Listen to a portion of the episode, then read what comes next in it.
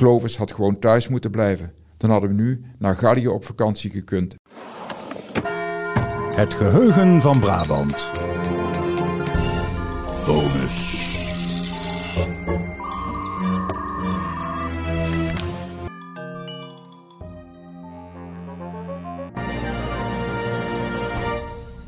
Je luistert naar een bonus bij onze aflevering over vakantie. Marilou praat nog even verder met Wim Daniels over zijn nieuwste boek, De Dikke Daniels. Ben je benieuwd naar dat boek en zou je het graag willen lezen? Ga dan naar big.nl slash podcast en klik daar op de enquêteknop. Vul de enquête in en jij maakt kans op een gesigneerd exemplaar van De Dikke Daniels. Maar, maar ho, wacht even. Natuurlijk niet meteen naar die enquête, want we hebben nog een toetje voor jullie. Eerst vertelt Wim Daniels hoe Nederland vanaf de jaren 50 met vakantie ging. De Brommer in 1950 kwam beschikbaar. Toen zag je tussen 1950 en 1960 een enorme opleving van mensen die op vakantie gingen met de Brommer. Auto kwam er ook wel steeds meer bij, omdat er steeds meer faciliteiten kwamen. Vooral moet je denken aan die campings. Je kreeg toen ook allerlei kampeerclubs voor een deel bestaan die nog steeds, die heel belangrijk zijn. Dus dat het ook echt gefaciliteerd werd. Als je bij ons aansluit, dan kun je op die campings kun je, kun je terecht. ANWB heeft toen heel veel eh, geïnvesteerd in campings. Je kon zelfs bij de ANWB cursussen volgen om te kamperen. Omdat de ANWB toch de indruk had dat gaat niet goed bij die mensen. Wanneer kwamen die eerste cursussen dan? Die kwamen er vanaf 1940. Oké. ANWB heeft toen ook nog merkwaardig genoeg aan het begin van de oorlog een brochure uitgebracht met de titel, ik weet niet of ik nu precies zeg, Op naar het kamp. Een heel pijnlijke titel was dat. Maar goed, blijkbaar had de ANWB nog niet in de gaten hoe ernstig die oorlog uiteindelijk zou worden.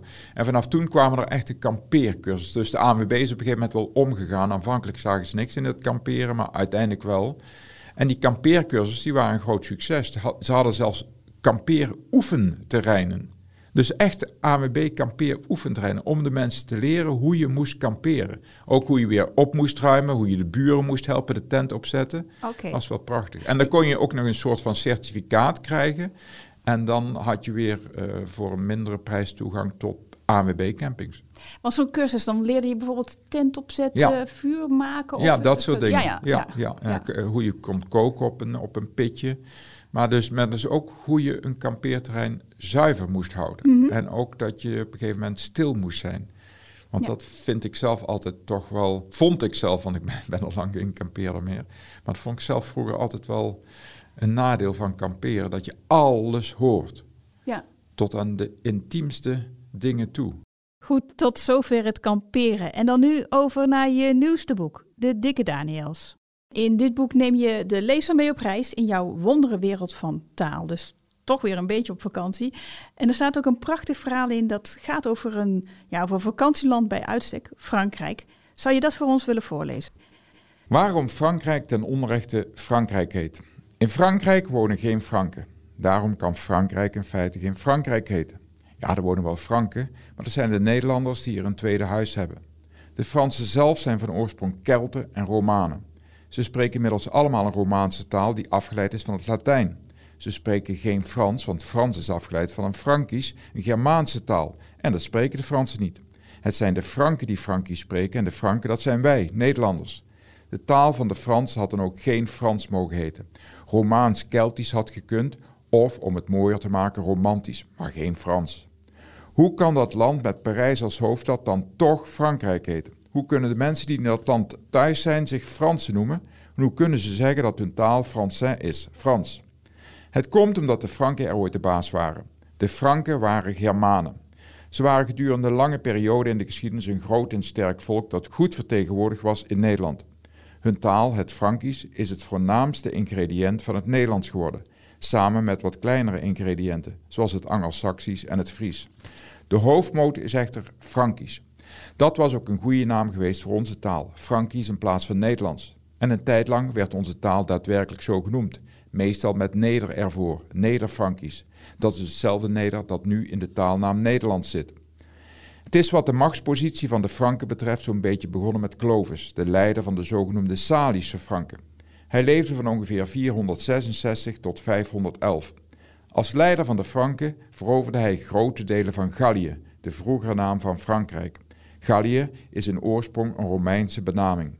De Griekse benaming voor Gallië was Keltje. Gallië en Keltje betekenen hetzelfde en je kunt er nog Wallonië aan toevoegen, want dat was in oorsprong de Germaanse naam voor Gallië.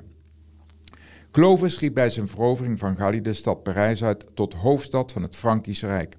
Toen hij en zijn opvolgers een tijdje in Gallië waren, zeiden de inwoners ervan, dus de Galliërs, Kelt of Walen, weet je wat, nu jullie er toch zijn en niet van plan lijken te zijn om weg te gaan, kunnen we net zo goed jullie naam aannemen.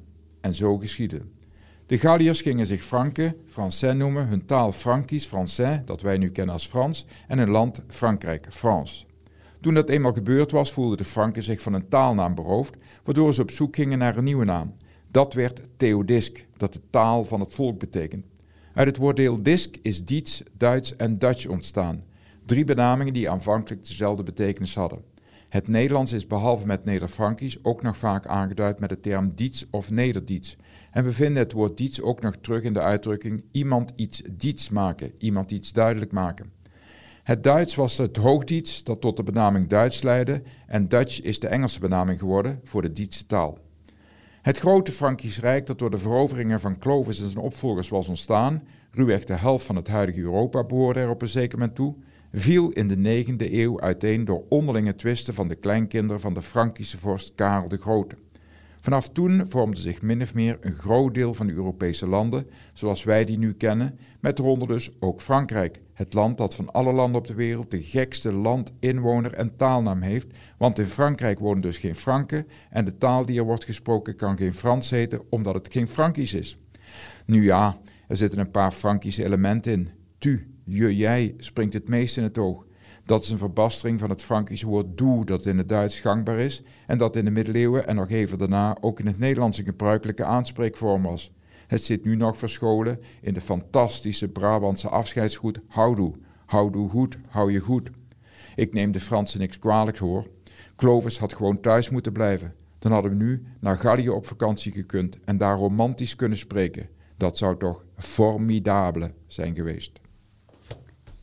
Prachtig verhaal, Wim. Dankjewel. Zullen we afsluiten met houdoe goed? Houdoe goed, zeker. Houdoe. Houdoe. Je luisterde naar een bonus bij onze aflevering over vakantie. Wil je de hele aflevering luisteren? Ga dan naar big.nl slash podcast. Oh ja, en vergeet vooral niet om onze enquête in te vullen.